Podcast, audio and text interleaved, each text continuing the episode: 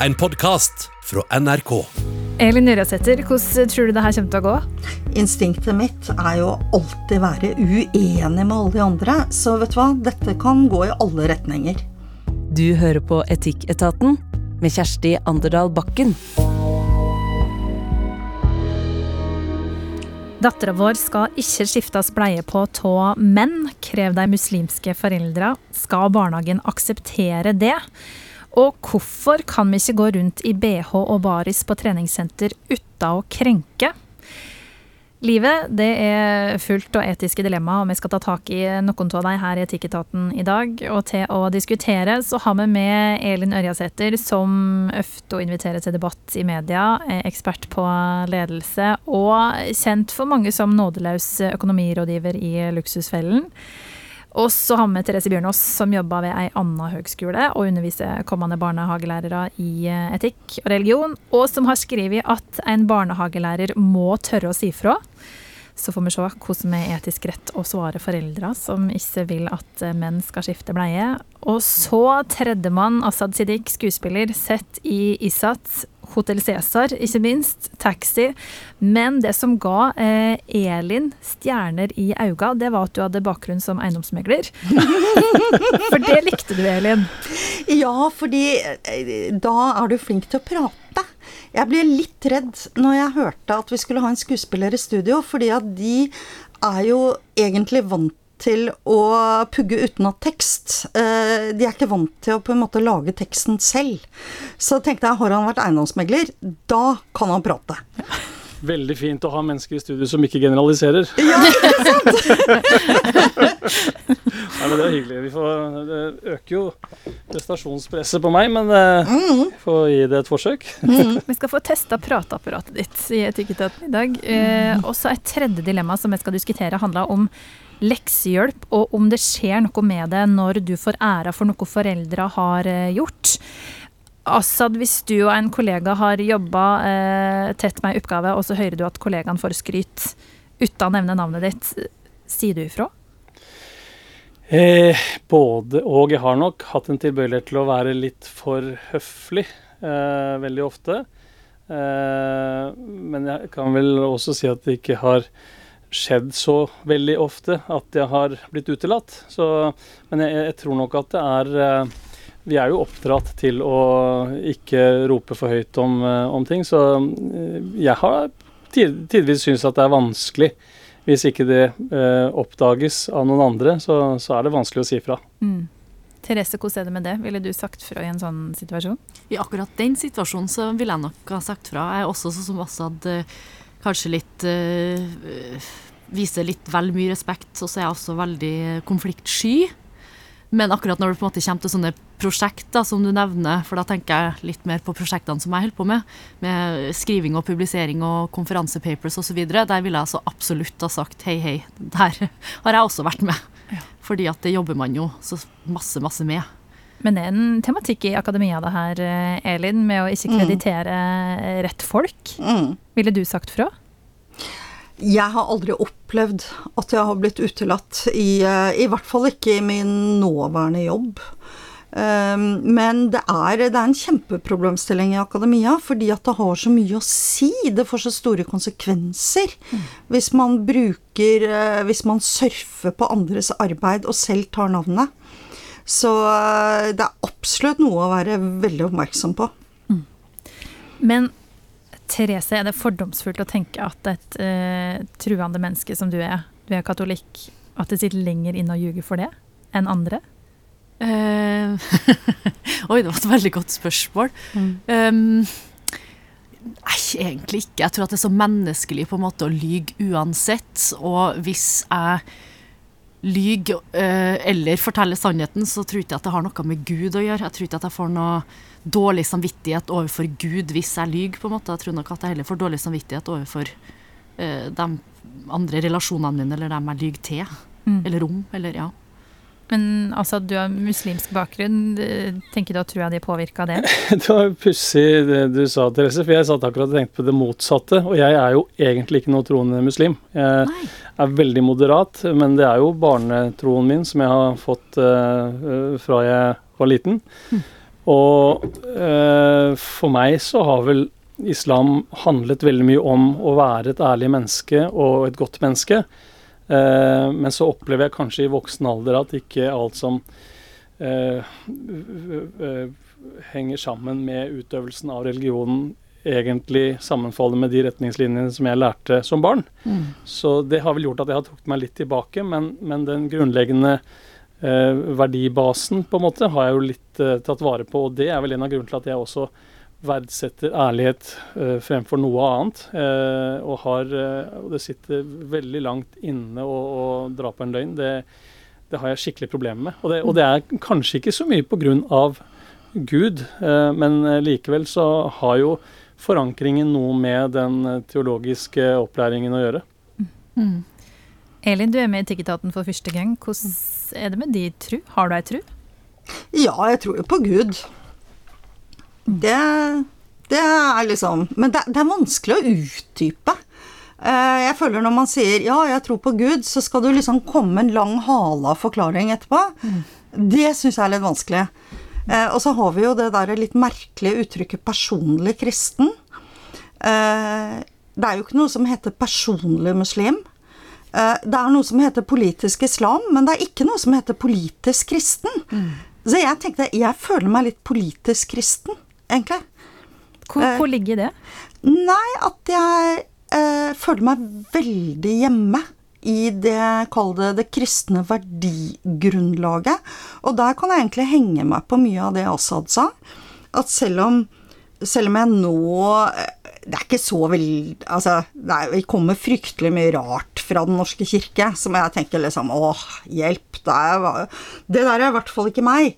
Men allikevel så er det jo et sånt verdigrunnlag, da. Som man har med seg som barn. Og jeg syns jo De ti bud er jo strålende. Det er ikke så mange andre bedre måter å si det på. Hvordan man skal oppføre seg. Mm. Gir det at du ikke ljuger like masse? Ja, og samtidig så tenker jeg sånn hm, Det er jo så mange kategorier løgner. Har ikke jeg en fin kjole? Jo, du har det. Uh, eller der, jeg lyver faktisk en del når jeg forteller historier. For jeg elsker å forbedre historier. Og, eh, og, så tenker jeg etterpå ja, men ops, det der var jo ikke helt sant. Og moren min tar meg i det hele tiden hvis jeg uttaler meg til pressen og sier at liksom Ja, jeg flyttet hjemmefra da jeg var 14 år. Akkurat det er faktisk sant. Men hun sier Ja, neste gang sier du vel 13. Eller jeg sier jeg har en mor på 96, så sier hun du, jeg er 95. Altså, jeg drar på litt hele tiden. Men for meg er jo en, en forkastelig løgn, det er jo en løgn som gjør at man selv kommer heldigere ut på bekostning av noen andre. Ja, det er løgn. Og det tror jeg faktisk ikke jeg driver med. Mm. Da får vi se om det synet kommer fram når vi skal diskutere leksehjelp og, ta æra, og ta æra for noe som andre har eh, gjort, i stor mm. grad. Um, vi skal i gang med å ta tak i det her etiske dilemmaet, og du som hører på. Hvis du har et dilemma som du vil at vi skal diskutere, så send gjerne en e-post til etikketaten krøllalfa nrk.no. Vi skal starte med et eh, møte mellom to ulike kulturer. Og i panelet her i Etikketaten i dag er altså skuespiller Asaad Siddiq, samfunnsdebattant Elin Ørjasæter og teolog Therese Bjørnås. Her står det altså Jeg jobber i en barnehage med flere muslimske barn. Vi legger til rette slik at barna følger sine religiøse plikter, som f.eks. å ikke ete svin.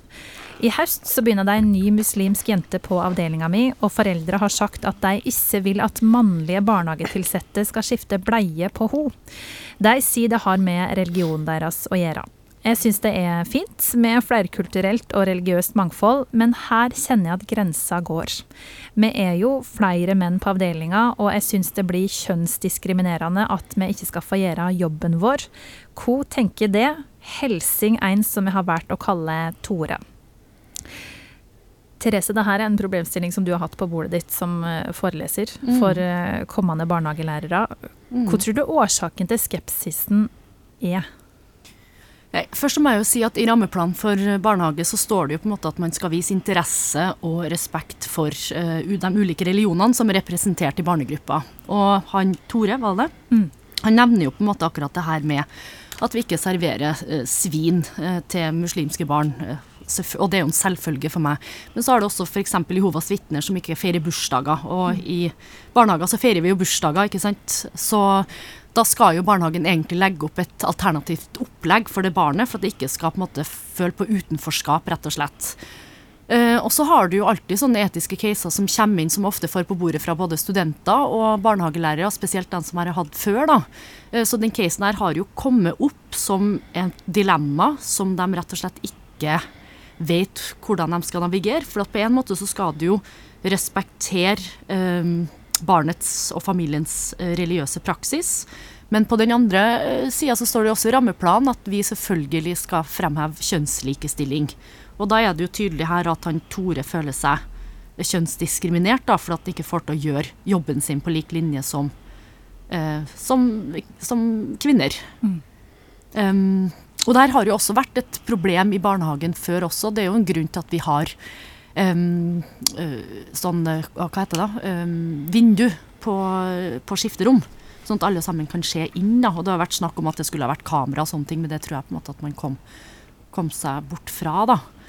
Men de sier at det er religiøst betinga. Um, ehm, Fins det noe i uh, Koranen som tilsier at ikke menn skal skifte bleier på jenter? Uh, det er veldig vanskelig å på en måte si hva man finner i Koranen, samme som jeg syns det er vanskelig mm. som katolikk å si hva finner man mm. i Bibelen. Jeg tror du kan finne alt i Koranen, og du kan finne alt i Bibelen. Den store forskjellen mellom det å være katolsk f.eks. er jo at vi har jo en autoritet som på en måte heter paven, og så har du Vatikanet, og så har du på en måte eh, eh, forskrifter og regler og, og etikk og normer som kommer fra dem, mens man har jo på en måte ikke det i islam. Der er det jo på en måte ikke et overhode som bestemmer, men du har uh, da ulike imamer ikke sant, som forteller. Også som man kan følge ulike skoler uh, osv. Så, videre. så jeg vil ikke si at man finner spesifikt akkurat at ingen menn skal skifte bleie på, på, et kvinnebarn, på en måte, eller et jentebarn. Det, det finner man nok ikke i, i Koranen. Mm. Assad, ville du vært skeptisk til at en mann skifta bleie på dattera di? Nei, jeg ville ikke vært det. Og når det gjelder liksom dette med hensyn til religioner, så jeg syns dette er litt sånn kinkig, fordi at jeg, jeg, er veldig opptatt av at folk skal få bestemme sjøl og ha religionsfrihet og, og, ha muligheten til å oppdra barn etter eh, de verdiene som de uh, setter høyt sjøl. Men Eh, hvis det går på bekostning av forsvarlig drift av et etablissement, så begynner vi å snakke om noe helt annet. fordi at det er noe med Hvis man skal ta hensyn til alle forskjellige behov og, og meninger, så, så, går jo ikke regnestykket opp. Eh, så i dette tilfellet så tenker jeg at eh, av hensyn til islam, eh, nei. Men eh, i og med at det er, det er snakk om barn og til en viss grad seksualitet, Eh, så ville jeg behandlet det på den måten at hvis dette er en problemstilling som kunne vært like aktuell for to ikke-religiøse foreldre, eh, så syns jeg at det er eh, fornuftig å ta tak i det. Og, og sånn rent statistisk så er det jo selvfølgelig veldig større sjanse for at det Eh, at det er menn som er involvert i eh, kall det utuktige handlinger med barn. Eh, så, så, akkurat den skjønner jeg. Samtidig som man også nå ønsker å jobbe med å øke andelen menn i barnehager. Så, så jeg syns det som Therese er inne på, det med åpenhet, altså et vindu eller et, et rom som er såpass tilgjengelig for alle hele tiden, da, er med på å løse mye. Men, men bare det altså religiøse aspektet her, ved at man ikke skal ta Eh, på et jentebarn og, som mann og skifte bleie, den, den, den, da tenker jeg at da ligger det mer på foreldrene at de kanskje må finne andre alternativer som passer dem bedre. Mm. Mm. For i det her så ligger det at det er forskjell på jenter og gutter, er det det, Therese? Ja, jeg har aldri hørt at det har vært noen muslimske foreldre som har spurt om, om guttebarn. Det har vært spesifikt. Altså Nå må det jo også sies at det har kommet på bordet mitt, det har vært flere studenter, også snakka med flere muslimske foreldre. Uh, og det er ikke noe som er forespurt så veldig mye barnehager, men det har i hvert fall vært opptil åtte tilfeller, som jeg, åtte til ti mm. tilfeller kanskje, som jeg har hørt om det. Så det er jo ikke at det er et kjempestort problem, men det er et problem nok til at uh, det må gå an å snakke om det, i hvert fall. At det må gå an å diskutere det. fordi at litt sånn som Assad sier, at ok, men hvis det handler om religion, men enn hvis det handler om kultur eller andre individuelle uh, krav, da. Så tenker jeg, er det noe med religionen da, som gjør at vi ikke skal skal på en måte høre på dem, eller ikke skal ta det til oss, eller Mm. Jeg har litt sånn problemer med det igjen, for det er veldig ofte at folk spør da om ja, men er det kulturen eller er det religion? Så tenker jeg, men hva er forskjellen? Mm. Hva tenker du om eh, dilemmaet som barnehagen står i, Elin? Jeg tenker jo først og fremst på driften, så der følger jeg veldig Assad sitt resonnement. Altså, er dette mulig å etterkomme uten at det går utover driften? Det tror jeg ikke det eh, er, fordi det er, de er ikke veldig godt bemannet i barnehager. Eh, og det å si at en mann da Altså, det blir veldig, veldig tungvint. Så, så er det selvfølgelig fristende å være prinsipiell og si at det er uakseptabelt. Det er et uakseptabelt krav. Glem det. Eh, det er eh, norske offentlige penger som betaler det meste av barnehagedriften. Eh, og rett- innrett dere. Men så er det et annet aspekt her som jeg kanskje er mest opptatt av. Og det er rettssikkerheten for de mannlige ansatte. Eh, Jeg kjenner til at det har vært urettmessige beskyldninger om eh, overgrep. Og de beskyldningene har faktisk Det kan være tilfeldig, men det kan også være et mønster. De har kommet fra muslimske foreldre. Eh, som i det ett av de konkrete tilfellene så gjaldt beskyldningen et overgrep en dag hvor gutten faktisk beviselig hadde tatt ut ferie.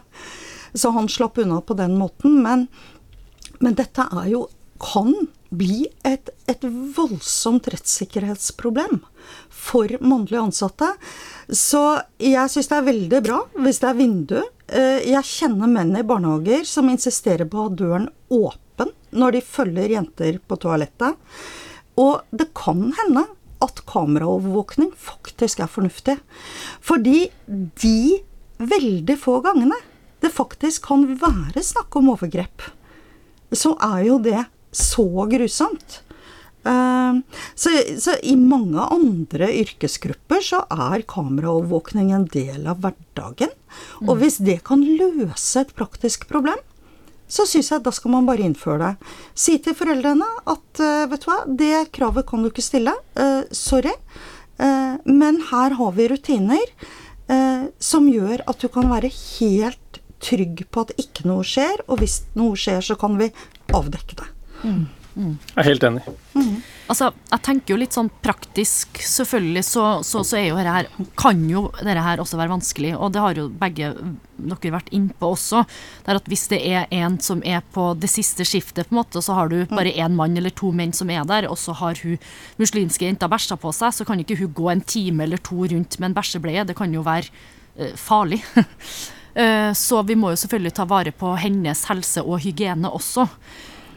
Men så tenker jeg også at er det noe kompromiss her, på en måte, hvis det er at kvinner kan skifte bleie på så langt det lar seg gjøre? For at det er liksom noe som vi har jo det her med barns beste. I barnehagen så gjør vi alt for barns beste. Og da tenker jeg jo også at hvis det er ei muslimsk jente som også ikke er vant til å bli skifta av menn hjem engang, eh, sånn som to stykker som jeg snakka med som hadde forespurt om det her i barnehagen, muslimske foreldre. Uh, hun, de nevner også at menn hjem, altså til og med faren, skifter ikke bleie på, på dattera. Ikke brødre, in, ingen fikk lov til å skifte bleie på dattera, altså menn, da, i hjemmet. Og da tenker jeg også det at er det da barns beste å bli møtt med en mann i barnehagen som skifter på? Men de begynner jo i barnehagen i ettårsalderen, og, og da burde jo ikke det være noe problem. Det er ikke sånn at en ettåring reflekterer 'oi, en mann', det var et annet kjønn', ikke sant? Ehm, så jeg følger deg ikke helt der, fordi jeg tenker noe av poenget med å gå i barnehage, det er jo å sosialiseres inn i det norske samfunnet, sånn som det er. Og jeg Absolutt tenker på mine egne barn som hadde så stor glede av at det jobbet menn i barnehagen som var litt mer sånn fysisk i lek og litt mer tjo og hei og i trærne. Jeg er liksom redd at barnehagen blir et sted hvor det er farlig for menn å jobbe. Ja, og det, og det er jo absolutt det egentlig jeg ville inn på. På, på den andre sida også, så er det jo dumt at menn mistenkeliggjøres også. Det tenker jeg egentlig med, med kamera til og med også. Det at menn i det hele tatt har lyst, insisterer på at døra er åpen. Det sier liksom litt Mm. om at de er så mistenkeliggjort. Og så tenker jeg at vi vil jo ha mer menn i barnehage. Vi, Jo, men vi vil samtidig, jo det. selv om, selv om det er mistenkeliggjøring, så er det jo også en uh, måte å, å gjøre det lettere for menn Nemlig. å falle utenfor mistanke. Absolutt. Og så tenker jeg i forhold til dette med å bare møte menn eh, i barnehagen som skifter bleier eh, når det ikke skjer hjemme. Eh, Mm. Skal vi ikke heller da jobbe eh, mot at eh, disse fedrene hjemme begynner å skifte bleie? Det er vel kanskje der vi heller må legge inn støtet da. Ja, for en unge kan jo gå med bleie til den er tre år, og da Mm. begynner det å bli ganske bevisst hva som skjer eh, rundt seg. Og hvis den da får beskjed på et tidspunkt om at du skal oppsøke deg kvinnelige eh, som jobber i barnehagen når du skal bli skifta bleie på, i motsetning til samtlige andre på avdelinga, Mm. hva vil det gjøre med den ungen? Vil ikke Mm. den seg veldig annerledes, og hva kan det føre til videre i livet? Mm. Ja, det blir jo fremhev de kjønnsrollene som rammeplanen i barnehagen sier at vi absolutt ikke skal fremheve. Um, samtidig som jeg tenker på en måte hvordan skal vi da sånn som Ei er muslimsk dame som jeg snakka med, som hadde ei datter, og som, hun ville da ikke at menn skulle skifte bleie. Og når jeg spurte hvorfor, så sa hun men, men sånn, sånn er det bare. Jeg vil at eh, de skal respektere eh, religionen min. Og jeg sitter litt fast på det også, at hvordan skal vi da respektere Altså hvor, hvor skal vi dra grensa f.eks. til ikke for å ta muslimer, da, men for å ta en ortodoks jøde da, som ikke vil håndhilse på det motsatte kjønn ut av respekt, f.eks. Altså, hvor, hvor hvor skal grensa gå? Eh, vi har jo eh, tilfeller av Jehovas vitner, eh, barn som er Jehovas vitner, som ikke får være med på en bursdag, som ikke, noen bursdager og ingen julefeiringer, påskefeiringer. Hvor, hvor går grensa? Altså, skal ikke det barnet få lov til å være med inn i såkalte barnekulturen i, i, i barnehagen heller? Altså, hvor, hvor går grensa for å respektere religion? Noe som vi skal gjøre. Elin? Jeg syns jo faktisk ikke vi skal respektere religion på disse områdene. Jeg syns at et Jehovas vitnebarn skal få sunget bursdagssang og feiret bursdag i barnehagen. Eh, jeg syns at eh, det å ikke håndhilse, eh, da skal du bli forstå at det er faktisk et problem. Jeg syns vi har altfor mye respekt for religion. Vi er et samfunn hvor noen normer og regler må gjelde på samfunnsnivå, og ikke minst i Norge, hvor vi har en så stor offentlig sektor. Det er vi skattebetalere som betaler for helse, utdanning, barnehage. Eh, og da bør det være noen regler som er bare Ja, men sånn gjør vi det her.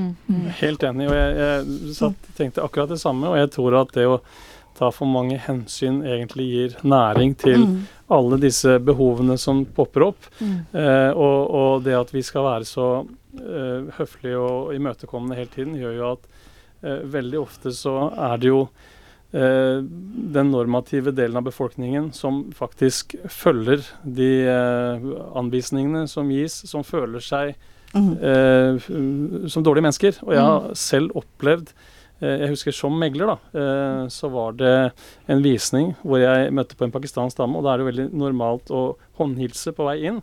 Så jeg strakk ut hånda, eh, og da så hun veldig rart på meg.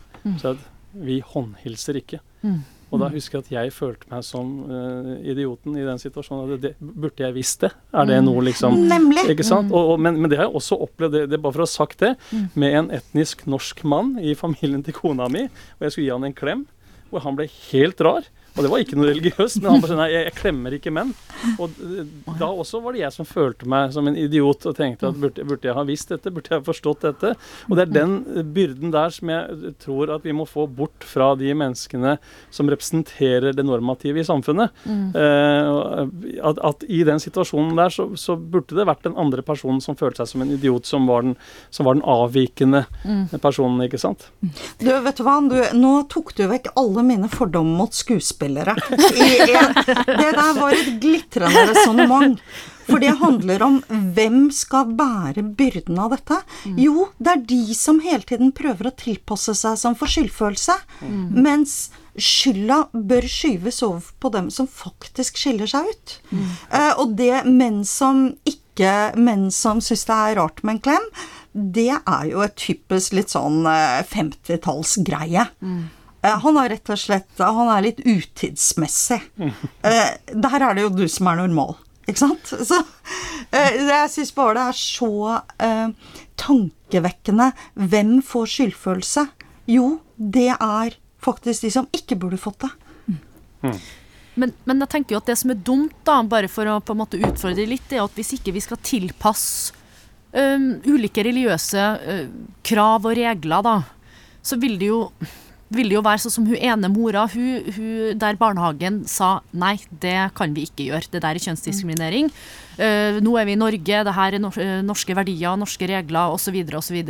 De endte jo opp med å slutte i den barnehagen. Mm. Og det er litt sånn redd for da at hvis ikke vi tilpasse oss, så, så, kommer det til å bli så segregering. Altså Det kommer til å bli en Jehovas vitner-barnehage, en eh, muslimsk barnehage, nå finnes jo det, da, men også osv. Og, så videre, og så er jeg litt sånn redd for Men hva skjer med mangfoldet? På en måte?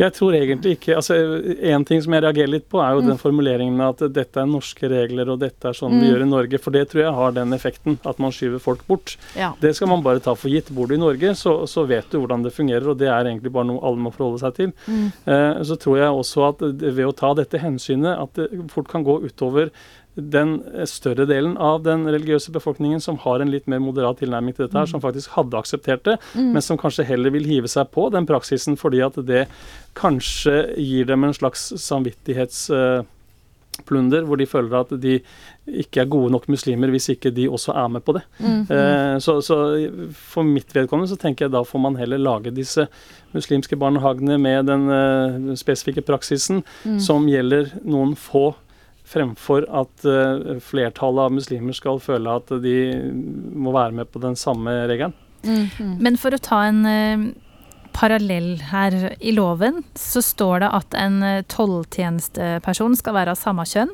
hvis du skal kroppsvisitere. Mm.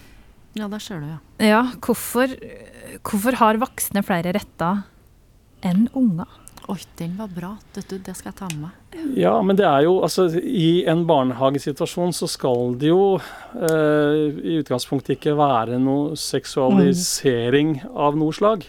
Eh, er, vi, vi, snakker jo om eh, mennesker som skal forvalte et lite barns hverdag. Eh, hvor, hvor, alt som har med seksualitet egentlig ikke burde vært eh, et tema i det hele mm. tatt. Og så kan man jo si at det finnes gærne folk uh, overalt, og det, og det, mener jeg at Elin har et godt poeng om at man kan overvåke. Man kan lage systemer mm. for, å, for å, hindre uh, at det skjer ting. Mm. Men når det gjelder uh, voksne mennesker, så er det jo utelukkende Eh, sex som styrer mm. uh, menn uh, i forhold til kvinner. Ja, dårlig, Utelukkende? Ja, dårlig formulert. Men, jeg, men jeg, jeg, jeg, kanskje jeg er litt mer opptatt av sex enn mange andre. Men, Nei, men, men, poenget her er vel at sannsynligheten for at en toller vil ha lyst til å plukke ut de deiligste jentene for å kroppsvisiteres, mm. er jo For å kle av seg, den er jo mye større enn eh, at du har en seksuell overgriper i en barnehage, vil jeg jo anta. Mm. Eh, bare ut fra hvordan jeg kjenner liksom, guttegjenger og hvordan de tenker og sånn, så, så, så, er det greit. Eh, men, men, igjen, dette må jo ha med organiseringen å gjøre. De gangene jeg er blitt tatt til tollen, så har det vært veldig mange tollere der. Så mm. det har vært uproblematisk og på en måte eh, la mennene ta mennene og damene ta damene, liksom. Mm. Eh, men, jeg, men svaret er jo egentlig opplagt det Assad sa. Det, det, er et element av seksualitet blant voksne som ikke er der mm. når du omgås barn. Mm. Og hvis det er der når du omgås barn, så er det fordi det er noe gærent. Mm. Jeg må bare si takk til Tore for en fantastisk god problemstilling som er utrolig vanskelig. Men eh, hjelp meg å bli klokere i løpet av de eh, minutta her. Og nå så skal vi videre til skolen.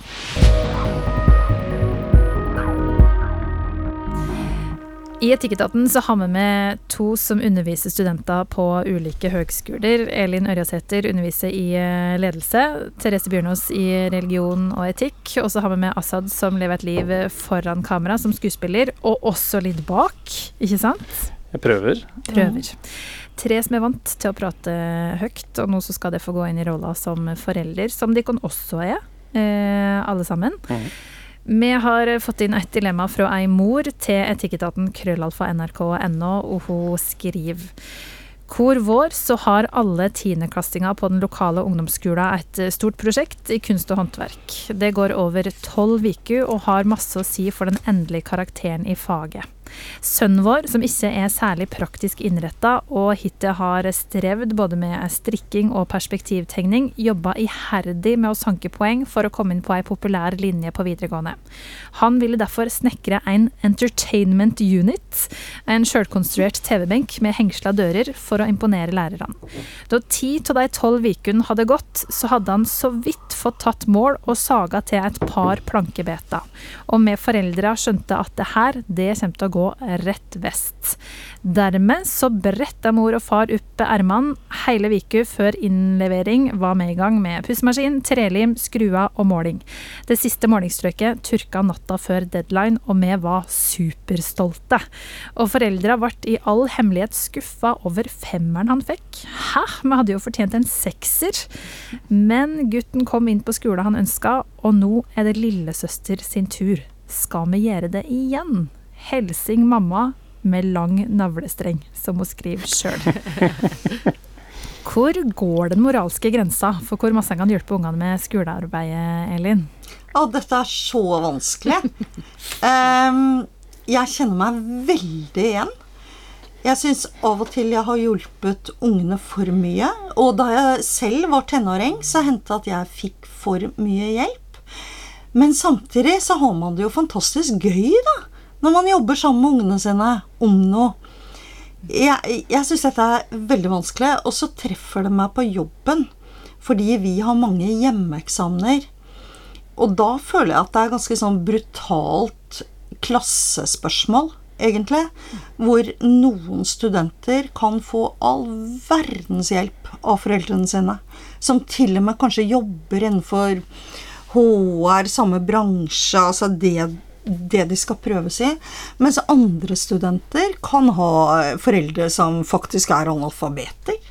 Eh, så dette syns jeg er skikkelig vanskelig. Jeg syns ikke det er så vanskelig, og jeg, jeg, jeg, tror at det er veldig mange, som deg, Elin, som mm. har en veldig lang navlestreng. Eh, jeg tenker jo mer på det klassespørsmålet som du reiste, som, mm. som vesentlig. Og, eller det er flere sider av det som gjør at jeg egentlig ikke er noe fan av å hjelpe til på den måten i det hele tatt.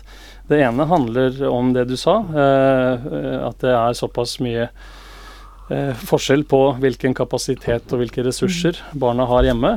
Det andre er at dette er jo barnas lekser. Det er jo ikke mm. våre lekser. Er, mm. og det er jo også en læring i det, dette her med å planlegge og ta ansvar, og, og ikke minst møte konsekvensene av i så fall fra, fraværet av disse, dette ansvaret. Eh, og jeg har jo jeg har to store barn og en attpåklatt, og jeg vil si at det tar, det tar tre barn måte å finne ut av hvordan man skal oppdra barna sine. Eh, vil det si at tredjemann får enda mindre hjelp enn han får veldig, eh, Eller jeg vil modifisere det litt, for jeg vil ikke si at han får mindre hjelp, men han får annerledes hjelp. Mm. Eh, jeg er mer opptatt av å lære han å fiske enn å gi, gi han fisk. Mm. Eh, for jeg har jo opplevd da med mine eldre barn. Eh, og at eh, når jeg har hjulpet dem, eh, både at de har blitt veldig godt vant til å få hjelp når de også ikke trenger det, at de har blitt latere, men ikke minst at for dem å, å be om hjelp handler om at jeg skal gjøre jobben for dem. Uh, så, så, dette, for meg så har dette et litt lengre perspektiv. For jeg har et ønske om at de skal lære å disponere tiden sin og ta det ansvaret i ung alder for å slippe å hele tiden være bakpå. Uh, og, det handler jo også om å gi dem den gleden over å faktisk uh, mestre ting og få til ting og, og, få en god karakter for noe som de har jobbet med. Uh, og jeg vil selvfølgelig hjelpe til der de ønsker, eller der de ikke strekker til. Men jeg tror at veldig mange foreldre i dag er, nesten er mer opptatt av karakterene til barna sine enn de er sjøl. Og det tror jeg er en uting. For det er noe med å å både ikke legge det presset på at man skal ha de sekserne, sånn som denne mammaen skriver. da, Han kom jo inn på skolen, eh, men så er man kanskje likevel misfornøyd fordi at man ikke fikk en sekser når en femmer var godt nok. Eh, og det andre er å eh, rett og slett eh, lære seg å, å, å innrette seg. Det, det, å liksom forstå at hvis man ikke gjør ting bra nok, så, så vil det ikke bli bra resultater. Og det tror jeg, det syns jeg i hvert fall mine barn har slitt veldig mye med. For de tror liksom at uansett hva de gjør, at det skal bli kjempebra. Noen ganger så blir det bare dritt, og det er også en del av livet. Mm. Er du Elin eller Assad her, Therese? Nei, altså, jeg, jeg, stiller jo litt sånn spørsmålstegn om, om, om, det her er noe gjennomgående. Er det noe som ofte skjer med han, med han gutten her? Sånn at foreldrene på en måte bare tar over prosjektet og, og hjelper en, sånn at de syr Hva heter det? Puta, puta under mm. armene hans. Um, uh, eller om det her bare er en engangsepisode Uh, for at han skulle komme inn på den skolen. For jeg tenker jo liksom, Hvis målet er at han skulle komme inn på den skolen, og det er jo tydelig at det kreves litt karakterer også da, for å komme inn på den skolen, så, så tenker jeg jo at han har ambisjoner, han har mål, og han har endelig kommet inn. Og da må han jo på en måte ha hun mamma med navlestrengen, hun må jo da kutte den. Eh, så hvis dette her er bare én tilfeldig episode hvor de var nødt til å hjelpe en, eller om det her er litt sånn holdninga hans, da, at du har tolv uker, du venter til tiende uke, og så er det litt sånn ja ja, får hjelp av mamma og pappa uansett, så spiller ingen rolle. Um, så jeg syns at det er det som på en måte kommer til å være litt avgjørende her. Ja, og jeg kjenner jo ikke de som Jeg føler meg veldig trygg på at dette ikke er et engangstilfelle. Nei, nei, og, det, nei, det, er akkurat og, det. Og det er det jeg kjenner igjen med min egen sønn også, og, mm. og det, det, er litt tilbake til det med å ta ansvaret. og jeg har jo opplevd det selv med mine barn, at de vet at de har et sikkerhetsnett fordi at vi er opptatt av at de skal klare seg. Mm. Og da er det veldig lett å, å vente og utsette. Og, og, det er derfor jeg mener for spørsmålet hun stiller, er jo skal vi gjøre det en gang til? Og da tror jeg at man heller skal ta den læringen og, og, og, begynne litt tidligere med å motivere barnet til å faktisk sette i gang. Være med på idédrodlingen, være med på liksom fasiliteringen av arbeidet. Og, og, gjerne hjelpe dem med å, å, holde det i gang og følge det opp, istedenfor at man skal løse problemet for barna. Det er kanskje ja. der min innvending ligger, da. Ja, jeg er enig. Det er jo et ord som er godt uh, ord, ordet bjørnetjeneste. Mm. Mange unge tror at det betyr en stor tjeneste, men det betyr noe helt annet. Det betyr at du gjør noen en tjeneste som faktisk skader dem. Eh, og jeg husker når jeg gikk på eh, Jeg gikk ett år på forsøksgym. Jeg hadde en litt sånn rotete ungdom. og da hadde vi en norsk stil. Og faren min hjalp meg veldig med den. Og han har en uh, type doktorgrad fra USA i litteratur, i amerikansk etterkrigslitteratur. Uh, og hun læreren ble jo helt sånn fjettrett. Hun trodde hun hadde fått et geni i klassen. Uh, og det sleit jeg jo med resten av året, for jeg turte jo ikke levere noen flere oppgaver. Uh, når alt det er sagt, det var jo en utrolig hyggelig opplevelse jeg hadde med faren min. Mm. Når han tok helt av og syntes det var så gøy med den oppgaven. Um, så, og jeg har slitt masse med det med egne barn. Og barn er veldig forskjellige. Noen lar seg motivere med litt sånn småting. Andre må jo slepes. Det er et australsk uttrykk som heter at uh, du kan lede en hest i vannet, men du kan ikke tvinge den til å drikke.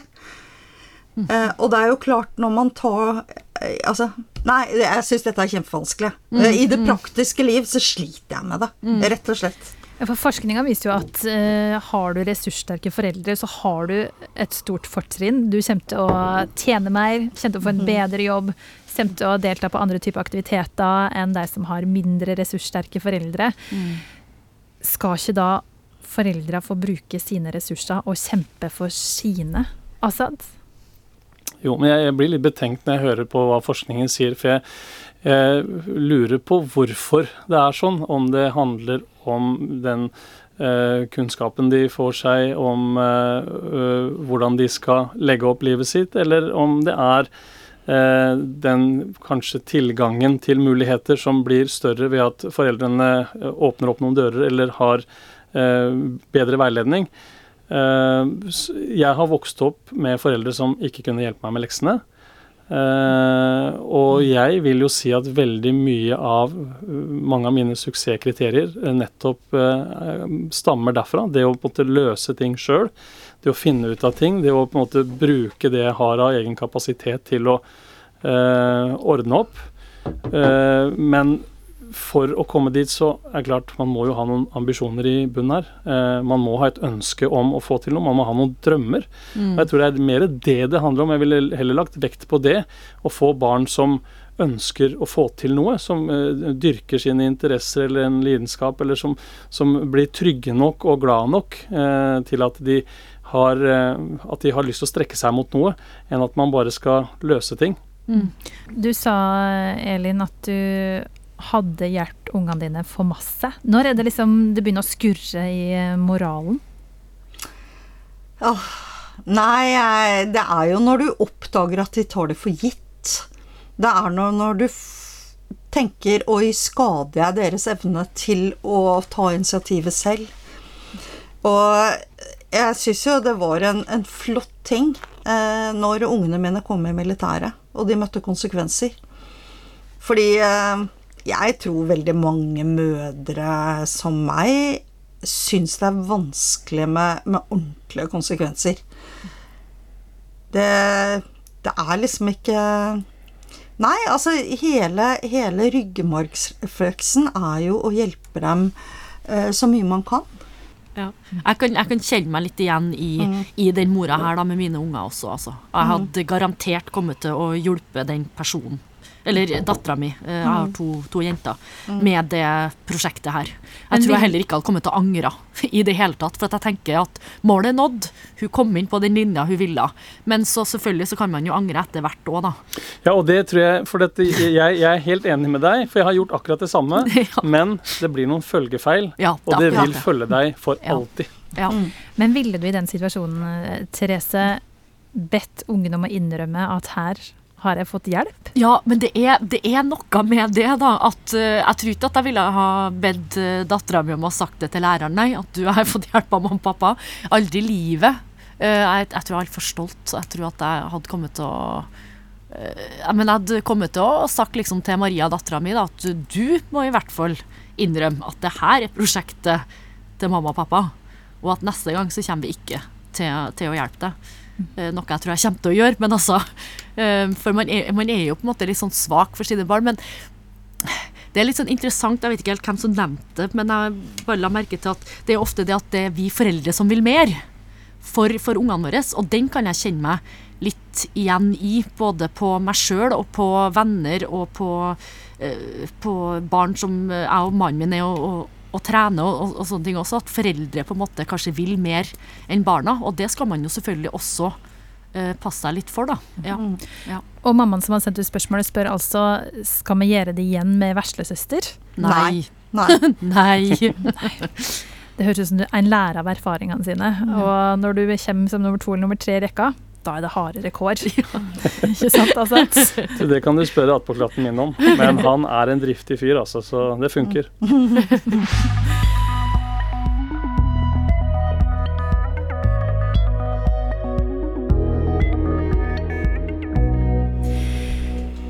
Skal vi inn i temaet naken hud. Noe så naturlig og så problematisk på samme tid. Eh, Elin Ørjasæter, Asad Siddiq og Therese Bjørnås og jeg, Kjersti Anderdal Bakken, sitter her alle nokså tekkelig kledd, eh, egentlig. Men på nrk.no så har vi kunnet sette bilde av Elisabeth fra Kristiansand kledd i sports-BH og treningstights på et treningssenter.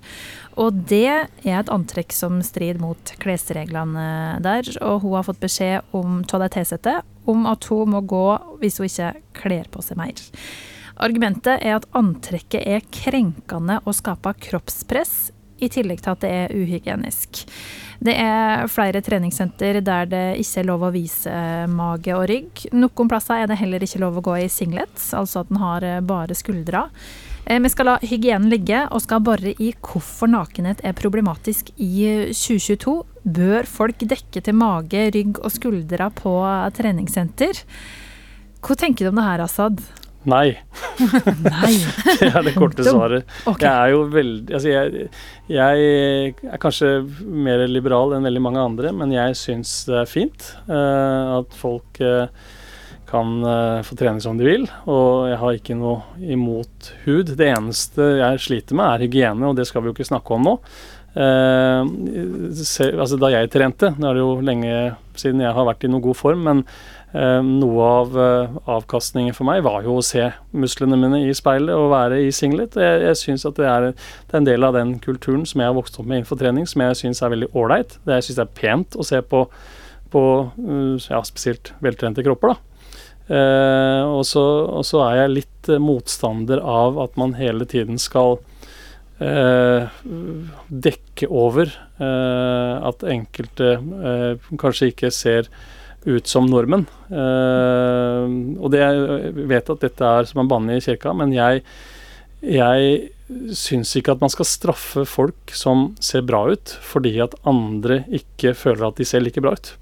Eh, veldig mange jobber hardt for å være i form, og det eh, gymmet er kanskje nesten religiøst for dem. Uh, og jeg, jeg syns også at det er For meg så er det inspirerende å se folk som er i bra form, og jeg, jeg blir motivert av å se at, at jeg også kan bli bedre. Så for meg så er det et utelukkende nei på spørsmålet. Mm. Hvordan sier du, Elin, til dilemmaet? Jeg vil si utelukkende ja på spørsmålet. og det For det første syns jeg at det er en litt sånn eh, tilsnikelse av NRK å si at nå lar vi hygienen ligge. Fordi hygienen er faktisk et utrolig viktig element her. Jeg syns ikke det er så innmari deilig med eh, sprutsvettende singlet-kledde folk, og så skal jeg bruke det samme treningsapparatet etter dem. Ehm, det er det ene. Og så er det dette med uniformering, som jeg syns er undervurdert. En lett uniformering i et treningssenter er for meg en bomulls-T-skjorte. Altså at alle faktisk bruker det. Det er hygienisk. Og vi ser omtrent ganske like ut, sånn at fokuset ikke er på utseendet, men på det du faktisk gjør å trene. Men så må jeg jo si at jeg nesten skiftet mening når Assad eh, kjørte i vei med den derre motivasjonsresonnementet. Fordi jeg, jeg kan jo forstå det. At du sier at det er faktisk en del av motivasjonen. Å både se dine egne muskler, og at det er gøy å se andre som har bra kropper. Så, så jeg kom jo litt sånn i tenkeboksen her, da. Men jeg hadde bestemt meg for å være veldig tydelig på at alle skal ha bomulls-T-skjorte og shorts som går i hvert fall et godt stykke nedover låret. Så da tror jeg jeg står på det. Til det med hygiene, da, så kan vi jo si at man har vært i kontakt med et treningssenter som uh, har et reglement der det uh, sies at du ikke skal bruke ikke-støtende og du skal ha anstendig treningstøy. Og årsaken er at alle skal trives på treningssenteret. Fordi det finnes nemlig forskning som viser at veltrente kropper med lite klær kan gi dårlig sjølfølelse hjå andre. På andre? Ja. Så man skal på en måte da tilpasse andre, da, hvis man har en bra kropp. Ja, så hvis man ikke har en bra kropp, da, så trenger man ikke å gjøre det? Så spesifikke er ikke de reglene nei, der, men det, kan du jo si. Nei, for det er det jeg på en måte tenker. For, for det første så tenker jeg liksom, eh, samme som Assad, at jeg er litt sånn motstander av at noen skal både kle på og kle av deg, da. Eh, det minner meg på en måte litt om når du går inn i kirka på Filippinene, hvor uh, det er 40 grader og jeg selvfølgelig går i singlet, og så kommer det en eller annen nonne og legger på en måte noe pledd over det. Uh, at jeg får litt sånn følelse. Og så skal det her på en måte være et treningssenter, da. Um, Sånn at uh, jeg tror nok at jeg er litt mer enig med Assad her. Altså at uh, jeg bruker det heller som inspirasjon. Nå har jo jeg vært en person som har trent hver eneste dag, om ikke to ganger om dagen. Og så har jeg fått barn, og så har det på gått litt nedover. Så jeg, når jeg er på gymmen, så ser jeg jo heller på, på folk som er veltrent og tenker oi, det her er innspo. Her kan jeg komme tilbake. Um, men så, men så, tenker jeg også litt på det her, hvis jeg skal tenke ikke hygiene, men tenk på det kroppspresset, så, så blir det jo litt sånn og, og så tenker da gymma at det er dem som er veltrent, da, med sixpack osv., som går i magetopp og singlet, at det er dem som er lettkledd. det er det jo.